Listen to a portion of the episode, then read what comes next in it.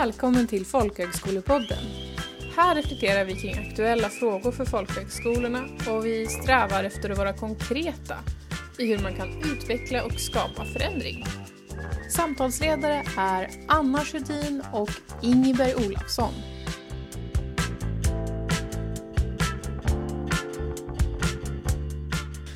Idag träffar vi Stig Wiklund som är en av Sveriges mest framgångsrika mentala tränare.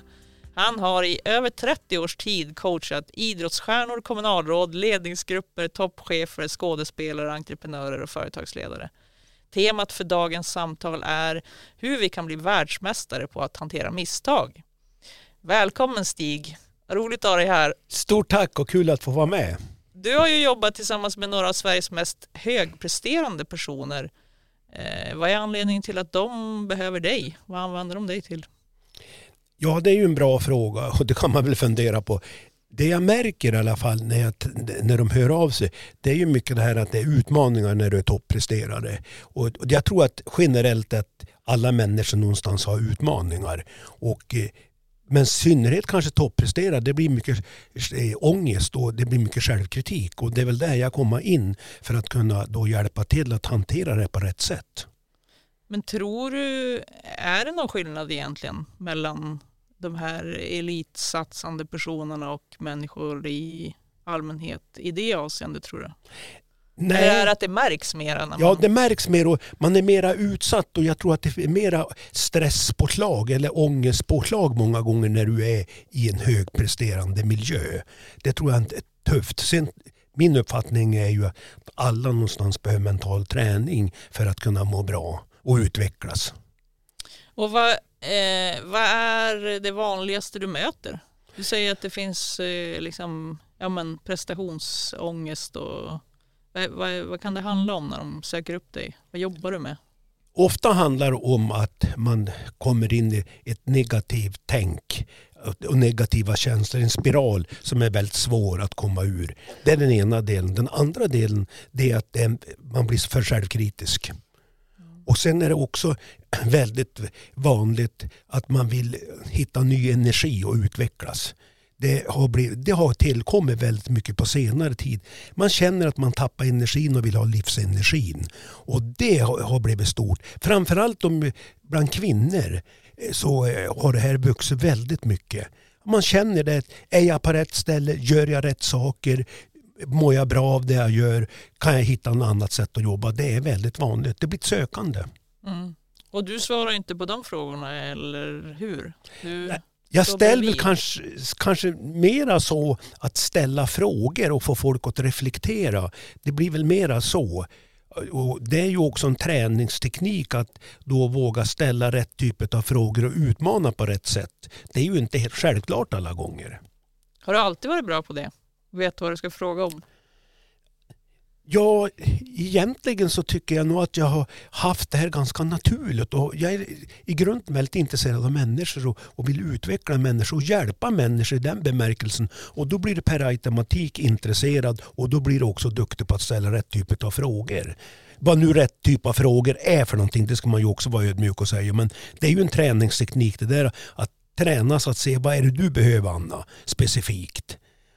Och, och, då, och, då, blir det så här att efter ett tag så ser du det och ställer du rätt frågor så öppnar du upp. Sen en annan viktig bit i det här som jag tycker är nyckeln, det är att jag gör dig till huvudperson och vinnare och inte till mig själv. Det tror jag många mentala tränare och coacher har att fundera på. Alltså det är viktigt att när man jobbar med känna att det är de som är huvudperson. Och då kan jag inte prata så här mycket heller utan då måste jag ställa frågor och göra dig så att säga till huvudperson, inte mig det är inte jag som är den viktiga, det är du Anna som är den viktiga som ska få verktyg så att du kan må bra, utvecklas och prestera bättre. Eller om det är någonting annat om du söker någon form av ny livsenergi. Mm. Um, jag har hört dig eh, någon gång säga att det är ganska vanligt att människor eh, börjar i eller tror att det behöver vara väldigt svårt och krångligt med eh, personlig utveckling och att hantera Eh, att få resultat på något sätt. Eh, men att det egentligen handlar om ganska enkla verktyg som man kan använda. Hur tänker du runt det? Jag brukar använda mig av ett citat av Einstein. Gör det enkelt men inte för enkelt. Jag tycker många gånger att vi gör det för svårt i de här mentala processerna. Det, på Renés brygga var Gunde Svan med och då frågade de har du jobbat med mental träning?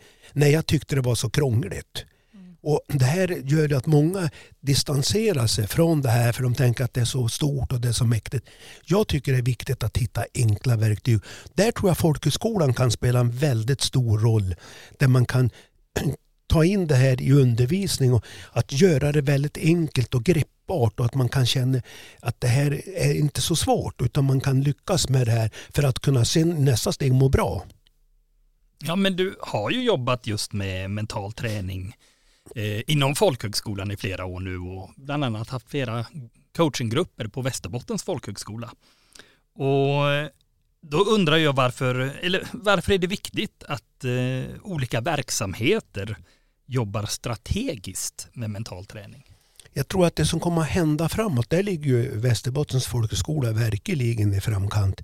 Det jag märker nu, det är ju att väldigt många då företag och organisationer är ju väldigt intresserade och vill jobba ungefär som Västerbottens folkhögskola med coachgrupper där man får utvecklas och känner att man får bra verktyg. Och dessutom har ju då Västerbottens folkhögskola varit bra på det sättet att vi har fått tid och utrymme. För ofta när man gör fel i de här processerna som jag ser det, det är att det blir för snuttifierat. Du får köra en eftermiddag. Där har ju ni varit väldigt bra genom att ge utrymme till tid och möjligheter till reflektion och utvecklas. Och Det tycker jag är fantastiskt bra. Och där, där tror jag många har att lära sig av Västerbottens folkhögskola och deras ledarskap som jag tycker är fantastiskt bra. Åh, oh, det hör du Anna. jag tycker ibland man ska ge feedback på det som är bra därför ja. att det finns ett lärande i det här och det finns ett lärande i för Framförallt tycker jag näringsliv att man blir för resultatfixerad. Att det ska gå så otroligt snabbt. Min uppfattning när det gäller mentala processer det är att det tar tid. Alltså saker är moget. När det är moget och har man för bråttom då, då funkar det inte riktigt. Då blir det ofta som man säger kontraproduktivt. Och där tycker jag att ni har gjort ett fantastiskt bra arbete. Och jag tycker det har varit väldigt inspirerande att få jobba med de här grupperna. Mm. Och vi, vi har ju huvudpersoner på folkhögskolan och det är ju de vi kallar deltagare.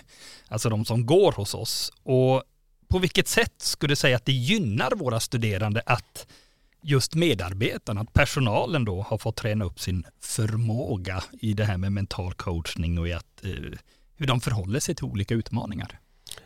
Ja, det är ju en väldigt bra eh, fråga faktiskt. Därför jag tror att det här kommer att bli också stort framåt. Att varje då medarbetare blir dels sin egen bästa coach men även blir head coach, alltså i mötet med andra människor, med elever exempelvis, har fått de verktygen att kunna ställa rätt typ av frågor. Så att eleverna som nu går på folkhögskolan kan få bra verktyg och kunna få må bra och utvecklas och kunna prestera bättre om man vill det. Och det här, eller hitta ny liv, livsenergi. Här tror, jag, här tror jag folkhögskolan spelar en nyckelroll att kunna då jobba med de här teknikerna för det här tror jag kommer bli stort framåt. Har du, har du några tips då som du skulle vilja ge till personer som vill förbättra sin mentala inställning till jobbet, till arbetet? Att det finns ju naturligtvis en koppel av verktyg och jag brukar ibland säga att det kan vara svårt att ta ut, ta ut separata tips. Men ett tips som jag jobbar med, som kanske är tycker jag är det bästa jag har i mental träning, det är ju att varje kväll kunna skriva upp tre bra saker du har gjort och som har hänt. Och över tid så stärker du så otroligt mycket. Utmaningen med det här är att du gör det ett par veckor sedan lägg du av. Och det tycker jag man ska vara medveten om att det är så viktigt att vara långsiktig. För det, ofta är det långsiktiga resultaten blir. Det blir som en svänghjulseffekt. Du vet inte riktigt vad det är som sker när det händer någonting i din hjärna. Och där tycker jag man ska vara långsiktig. Hur många år har du gjort det själv då? Så jag har ju jobbat nu i mental, med mental träning i, i 30 år och jag började tidigt med, med just att systematisera den här delen. Jag måste säga jag har mått bra alla de här dagarna. Jag har inte varit sjuk en dag och jag känner att jag, jag mår faktiskt riktigt bra av de här verktygen. Jag jobbar med människor jag, de flesta har jag jobbat väldigt länge med 20 år, 15, 10 år. Och de som har jobbat med det här systematiskt de säger att det här är, det här är, det här är så fantastiskt bra. Och många kan då ha jobbat ett tag och så lägger man av och så får man en svacka i livet av olika anledningar. Och så kan de ringa till mig. Nu har jag dragit igång det här igen med att skriva upp varje kväll. Och jag mår så fantastiskt bra. Och framförallt också om du har fått lite sömnutmaningar så är ju det här verktyget så bra när du lägger att du går igenom vilka bra saker du har gjort. För ofta när det är lite tufft då fokuserar du på svårigheterna och problemen som var under dagen. Och så har du med dig det och så får du sämre sömn. Du får ju så mycket bättre sömn om du kan avsluta dagen, kvällen med att ta fram de här sakerna. Det kan ju finnas eh, utmaningar i, i eh, det här med balansen mellan det privata och eh, arbetslivet. Hur, hur tycker du att eh, vi kan liksom jobba med det? Var, varför är det viktigt? Jag ser det så här mer och mer att eh, se hela människan. Jag tycker man har varit för smal både i coachingen och mental träning. Då har man ofta bara jobbat med prestation eller måendet. Kanske på jobbet eller privat. Jag tycker man ska jobba med helheten, att se hela människan. För mig, jag jobbar ju med många idrottsstjärnor. Men för mig är det viktigare att de mår bra än att de prestera på det sättet. Jag brukar säga åt Frida Karlsson som är så stor att det är bättre att du mår bra än du tar massa VM-guld.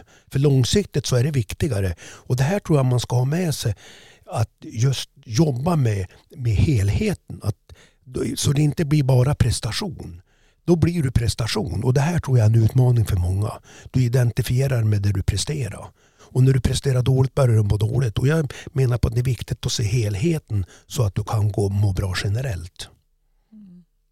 Ja, men det är ju ganska, det där är ju intressant tycker jag att, att det blir en, för många en plattform det där med, eller som du säger en identitet, det där med prestationen och eh, det måste ju ändå vara ganska stor utmaning att jobba med tänker jag. Alltså att, att både kanske sätta ljuset på det och hitta strategier för att hantera det.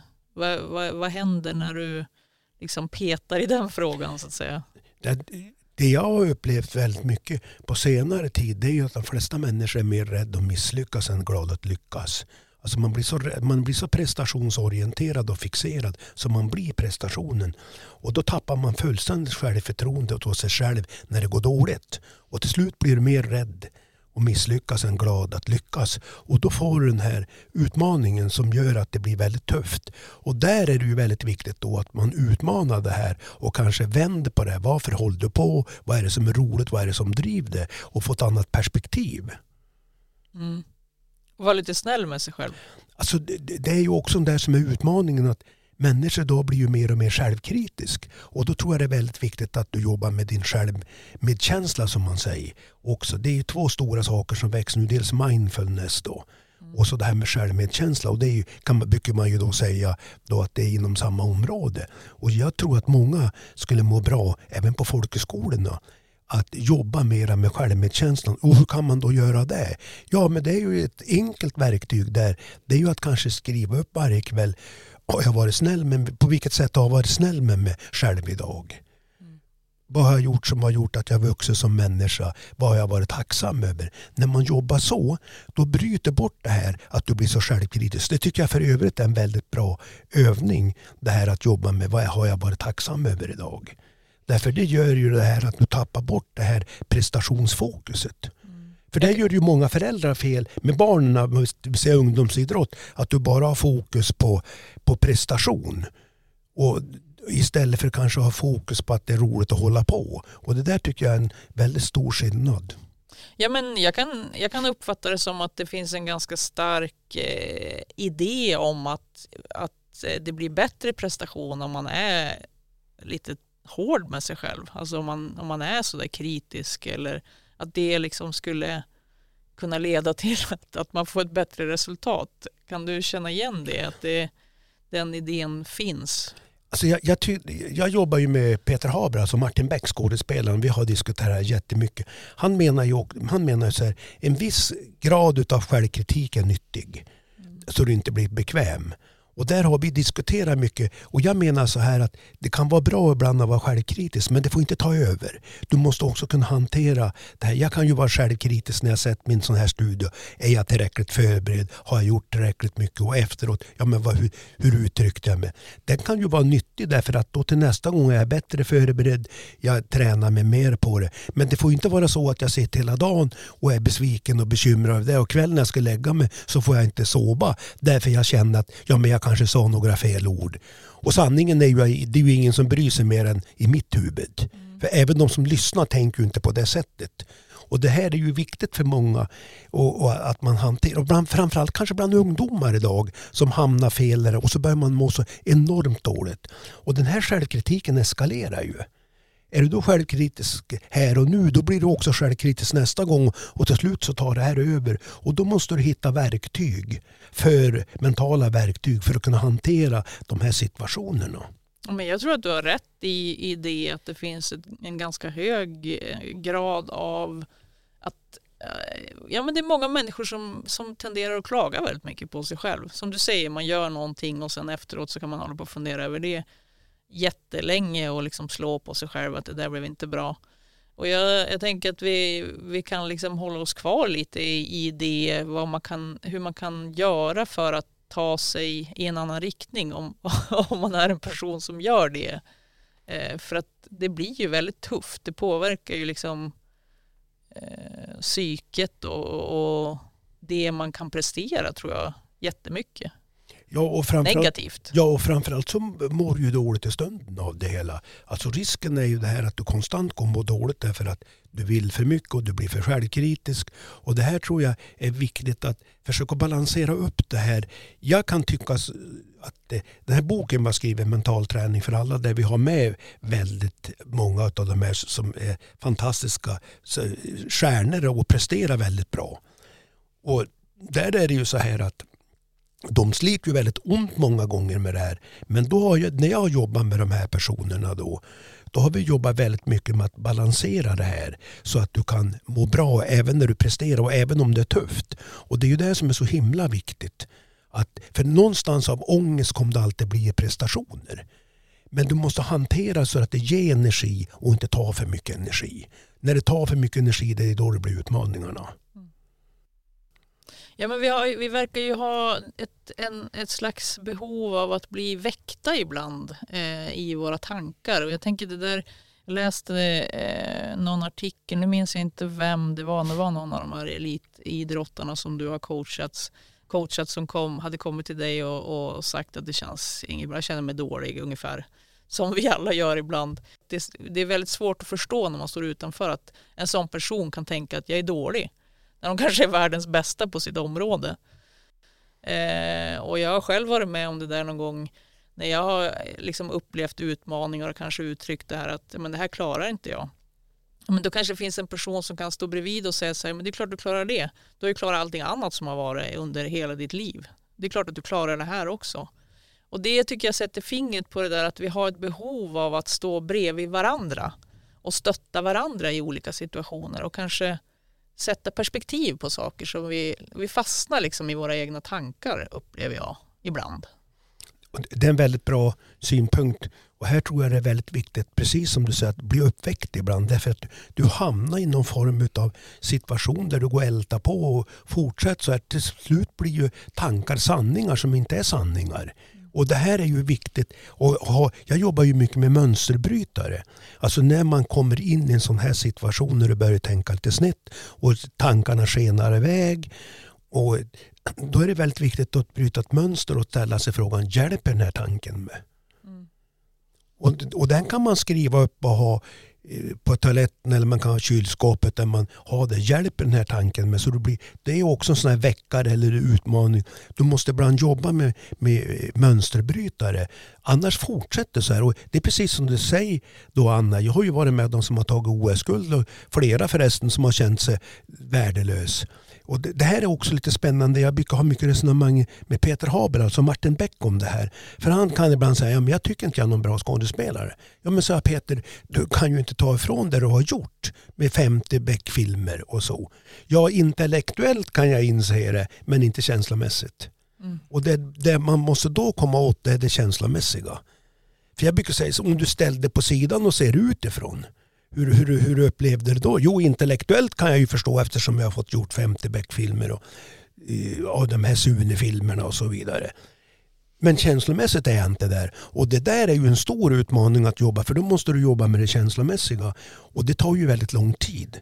Och det är därför jag tror också ibland att man underskatta vad du kan göra på lång tid och överskatta vad du kan göra på kort tid. Min generella erfarenhet när jag jobbar så här att det här tar så mycket längre tid än vi tror och vill. Och det är därför du ofta då tappar tålamodet. Därför så tror jag det är väldigt bra att man börjar tidigt och jobba med de här mentala teknikerna. Kanske vid 10-11 års ålder. Där har jag ändrat uppfattning. För tidigare då tyckte jag man skulle vänta. Men nu börjar jag mer, börjar mer och mer inse att att du ska börja tidigt med enkla övningar för att komma in i ett, i ett annat mindset om man säger så. Tänk på folkhögskolorna bland personal och elever att man kanske varje fredag ska köra veckans positiva. Bara för att komma in i ett, i ett, ett annat typ av mindset. Det, ofta tenderar vi som forskarna säger att, att ha lättare att se saker som är problem eller som är negativt. Man brukar prata om den magiska kvoten 1 till 5. Alltså för att om du gör en eh, dålig grej så krävs det fem för att kompensera. Och det här är ju också viktigt att man, och det här tror jag kommer att komma så mycket mer på arbetsplatserna, så mycket mer i ledarskapet. Där man numera pratar om den psykologiska tryggheten. Jag jobbar med Johan Larell som är då eh, landchef för Ikea Frankrike, 12 000 anställda och så vidare väldigt stort och han jobbar ju mycket med det här med psykologisk trygghet. Att se medarbetarna, hans ledningsgrupp, att jobba mycket hur du har det privat och hur du har det på jobbet. Som, och har mycket fokus på att må bra. Och det är ju väldigt ovanligt. Och, och, och, det gör vi därför. Vi, och det, då blir det ju så att medarbetarna mår ju bra och känner ju inte att man är bara prestationen utan jag är en viktig kugge i det här maskineriet. Och det här tror jag man i de här prestationstiderna glömmer bort ibland. Du är viktig som medmänniska på din arbetsplats. Eller som elev eller som personal. Oavsett vad du gör på en folkhögskola eller någon annan arbetsplats så är det viktigt det du gör. Men det är sällan att du får bekräftad eller blir uppmärksammad. Kör man då exempelvis övningar, veckans positiva eller veckans höjdpunkter, då blir ju alla uppmärksammade och det är det som jag tycker är så viktigt. Jo, men man pratar ju ofta om den här balansen mellan privatliv och arbetsliv. Och jag funderar ju mer egentligen kring det här om, om du har haft en riktig skitmorgon hemma Finns det något sätt du kan eh, arbeta för att inte ta med dig den skitmorgonen till jobbet? Eller tvärtom, om du har haft en riktigt dålig arbetsdag. Finns det någon taktik då för att inte ta med sig det hem? Jag jobbar, för det första skulle jag säga så här, så skulle jag vilja tipsa om en struktur där. Jag börjar varje morgon, även den här morgonen nu när jag vaknar upp i Umeå. Vad blir bra idag? Vad är det viktigaste idag? När jag gör så då har jag ju lagt in mitt fokus. Då blir det ju ingen skitdag. Därför jag har ju bestämt mig att det här blir en bra dag. Dels nu den här poddinspelningen som jag tycker är väldigt inspirerande att jobba med Västerbottens folkhögskola. Då, då, kände jag liksom euforin i det. Och sen ska jag ha en föreläsning här på Umeå universitet. Sen om det däremellan händer saker då blir de så små därför att det här är de stora sakerna. Och sen när jag då kommer hem ikväll då till Sundsvall och utvärdera och tänka vad har varit bra idag? Vad har gett mig positiv energi? Ja, det var ju poddinspelningen och föreläsningen. Och då får jag en struktur i det hela som är, är väldigt viktigt. Däremot om vi då skulle säga att det skulle hända någonting, för det är väl det du är ute väldigt speciellt, då gör jag en mönsterbrytare. Ja, ja, nu vart det här lite misstag, det här gjorde jag lite tokigt och eh, livet går väl vidare ändå. Och då tänker jag, lev mer och tänk mindre. Alltså ibland så blir det fel och det får man lära sig av det också. Och, och, och det är ett, ett, väldigt bra exempel när jag började jobba med Marcus Eriksson, racerföraren som är otroligt stor i USA, han vann ju Indy 500. Då sa han, jag har problem Stig när jag ska köra kvalen och det har alltid gått tungt. Vadå problem? sa jag. Ja men jag känner ju att det alltid är problem. Och, och det har blivit en låsning. Ja men om du tänker utmaning, vad händer då? då? Ja det har jag aldrig tänkt på. Ja, men nu börjar vi jobba med, nu tänker vi utmaning kvalna För att du ska kunna vinna då racet dagen efter så måste du lyckas i kvalna. Och då är det viktigt att du går in med rätt mental inställning. Och när han började jobba så så vart det ju, vart det på ett helt annat sätt. Då vart det där en utmaning, någonting som var kul, som egentligen var ett problem. Och här gäller ju att hitta rätt typ av angreppssätt på utmaningar. Eller som vi då säger med problem. Och hittar du det här att du tar det som en utmaning, ja men då blir det ju på ett annat. Känner inte det? Om du går in i någonting och så säger det här blir ett problem. Eller om du tar en utmaning. Det är ju två helt olika synsätt. Men kan du inte möta motstånd i, i det där? Eh, alltså, för det där handlar ju i grunden om eh, det är ett resonemang om att man kan välja. Man, man kan välja sina tankar och sina förhållningssätt. Det är inget som bara är jag känner mig arg eller jag känner mig glad utan det är, det är liksom ett val. Och det leder ju också fram till en, ett större ansvar hos var och en för hur, vem man väljer att vara. Det du säger, vem vill jag vara idag? Eh, kan du liksom eh, få ett motstånd i det resonemanget hos personer? Det ja, absolut. Ansvaret. Därför att det är ju naturligtvis väldigt provocerande när du, när du utmanar på det sättet. Samtidigt så tycker jag ju också att det är väldigt viktigt den mentala träningen och coachingen att våga utmana men gör det med hjärtat. Alltså gör att du säger jag vill väl. Jag brukar ofta ställa frågan får jag utmana? Eller jag, bara, jag vill bara väl, får jag säga så här? Och då blir det på ett annat sätt.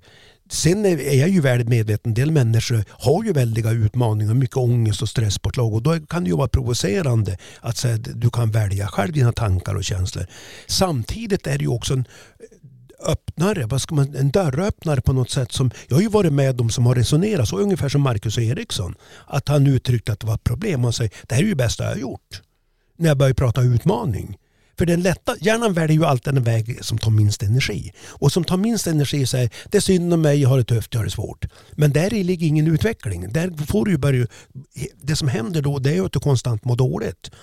Och därför så tycker jag så här att det är viktigt att utmana det. Sen måste man ju också vara klar över att ibland har vi ju dåliga dagar. Det jäklas, det blir tufft och det kan man heller inte bortse ifrån. Där tycker jag det är väldigt bra det här med acceptans. Ja, men ibland får jag acceptera att det blev tokigt. Tåget var sent och jag kom hem senare än jag hade tänkt. Och Det är klart att det är ju en utmaning i sig. Men jag kan ju inte påverka det. Och då måste jag välja hur hantera det här för att det ska må bra i en svår stund. Och ibland handlar ju livet om att kunna, man måste ibland dansa i regnet. Det går inte att vänta till stormen är över utan man får dansa helt enkelt i regnet. Och det är ju en träningssak också.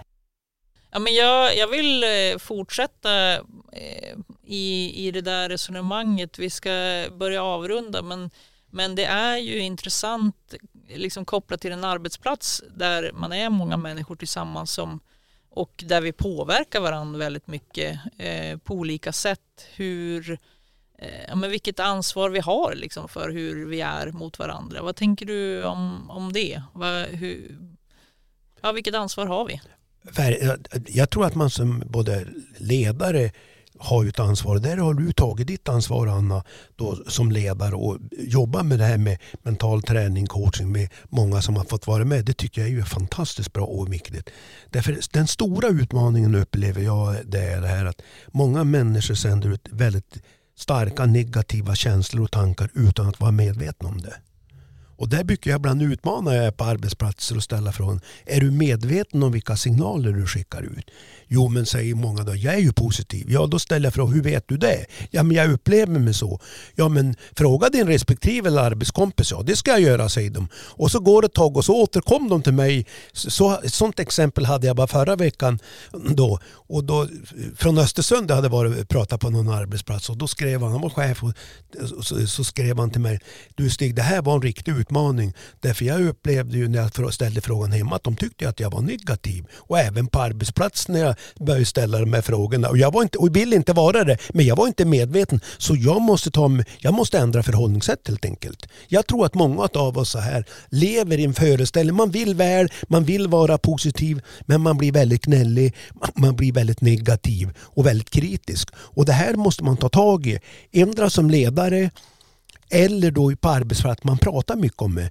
När jag jobbade på LRF då, alltså Lantbrukarnas riksförbund, då fick vi priset Sveriges bästa arbetsplats. Och där, då jobbar vi väldigt med, mycket med reflektioner. Alltså vi reflekterar hur är vi, hur, vad är det för signaler vi sänder ut och hur, hur påverkar det oss. Och det här var väldigt nyttigt. Och även för mig, och, för jag var ibland för entusiastisk. Och, och, och det var ju heller inte riktigt bra alla gånger. Så det där måste man ju vara medveten om. Att det, det, det, att det finns olika sätt. Men i och med att vi tränar och pratar om de här bitarna så blev det så mycket bättre. Träna och prata om det som är. Ja, och, hur, och våga, liksom, som man pratar om den här psykologiska tryggheten nu som växer fram så väldigt snabbt. Alltså våga, våga eh, då, eh, utmana sig själv i det här. Ja, men vi ska, vi ska eh, prata lite mer om det med både psykologisk trygghet och ledarskap i, i ett, eh, ett annat avsnitt. Jag skulle vilja sätta fingret på det du eh, slutade med nu som jag tycker är eh, jättecentralt och viktigt vad gäller mental träning och det är att det handlar om att se saker som de är. Eh, för det blir, jag, jag tänker att ibland blir en slags idé, förskjuten idé om att man ska tänka sig ur eh, liksom, vad, vad det är som händer. Man ska, man ska tänka positivt runt allting som händer. Eh, och att det blir en känsla av, och det finns också en kritik mot mental träning i det avseendet, för att det blir liksom en känsla av att man, man inte ser saker som de är utan man låtsas.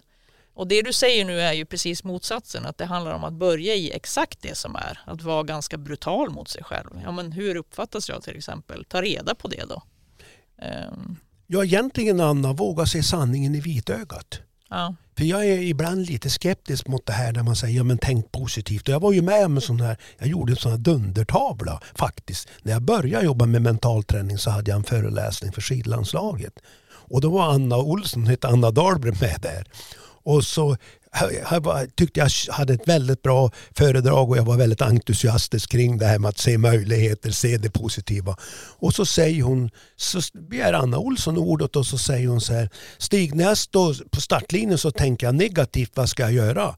Och då säger jag, ja men tänk positivt sa jag. Och då säger hon, åk själv då för fan. och jag, jag varit schackmatt alltså, det var så brutalt. Eh, alltså jag kände att jag hade inget, jag var svaret skyldig. Ja, men jag kan inte säga åt en som tänkt positivt när hon tänkt negativt. Och då sa hon, du måste väl kunna komma med något verktyg. Mm. Och jag har aldrig känt mig så nere någon gång och känt det här var så jäkla tufft. Men ur det svåra växer det goda fram. Därför vad jag gjorde då, det var ju att jag började fundera, jag måste ju göra träningsprogram hur ska hon tänka när hon tänkt negativt? Hur ska hon göra för att tänka positivt när du ska åka en världscupstävling? Och det gjorde att jag skrev, tror jag i fyra dygn, ett träningshäfte som heter Mental inställning och styrka. Och sen tog sedermera Anna då OS-guld i Turin 2006 och då skrev hon och tackade för träningsprogrammet. Och det var ju min räddning, alltså mitt misstag mm. blev ju min räddning. Det var ju det som gjorde att jag lyfte i mental träning. Annars hade jag ju varit kvar i, i, i någon form av flummet, tänkt positivt bara kört det. Det håller ju inte. Mm. Och det där tyckte jag var så himla mycket lärande i det här att i det svåra finns också lösningen. Mm. Så otroligt bra avslutning tycker jag. att, eh, att det finns, att kraften och möjligheterna finns i misstagen. Det tycker jag är ett jättebra avslutande perspektiv. Jättetack Stig. Tack själv.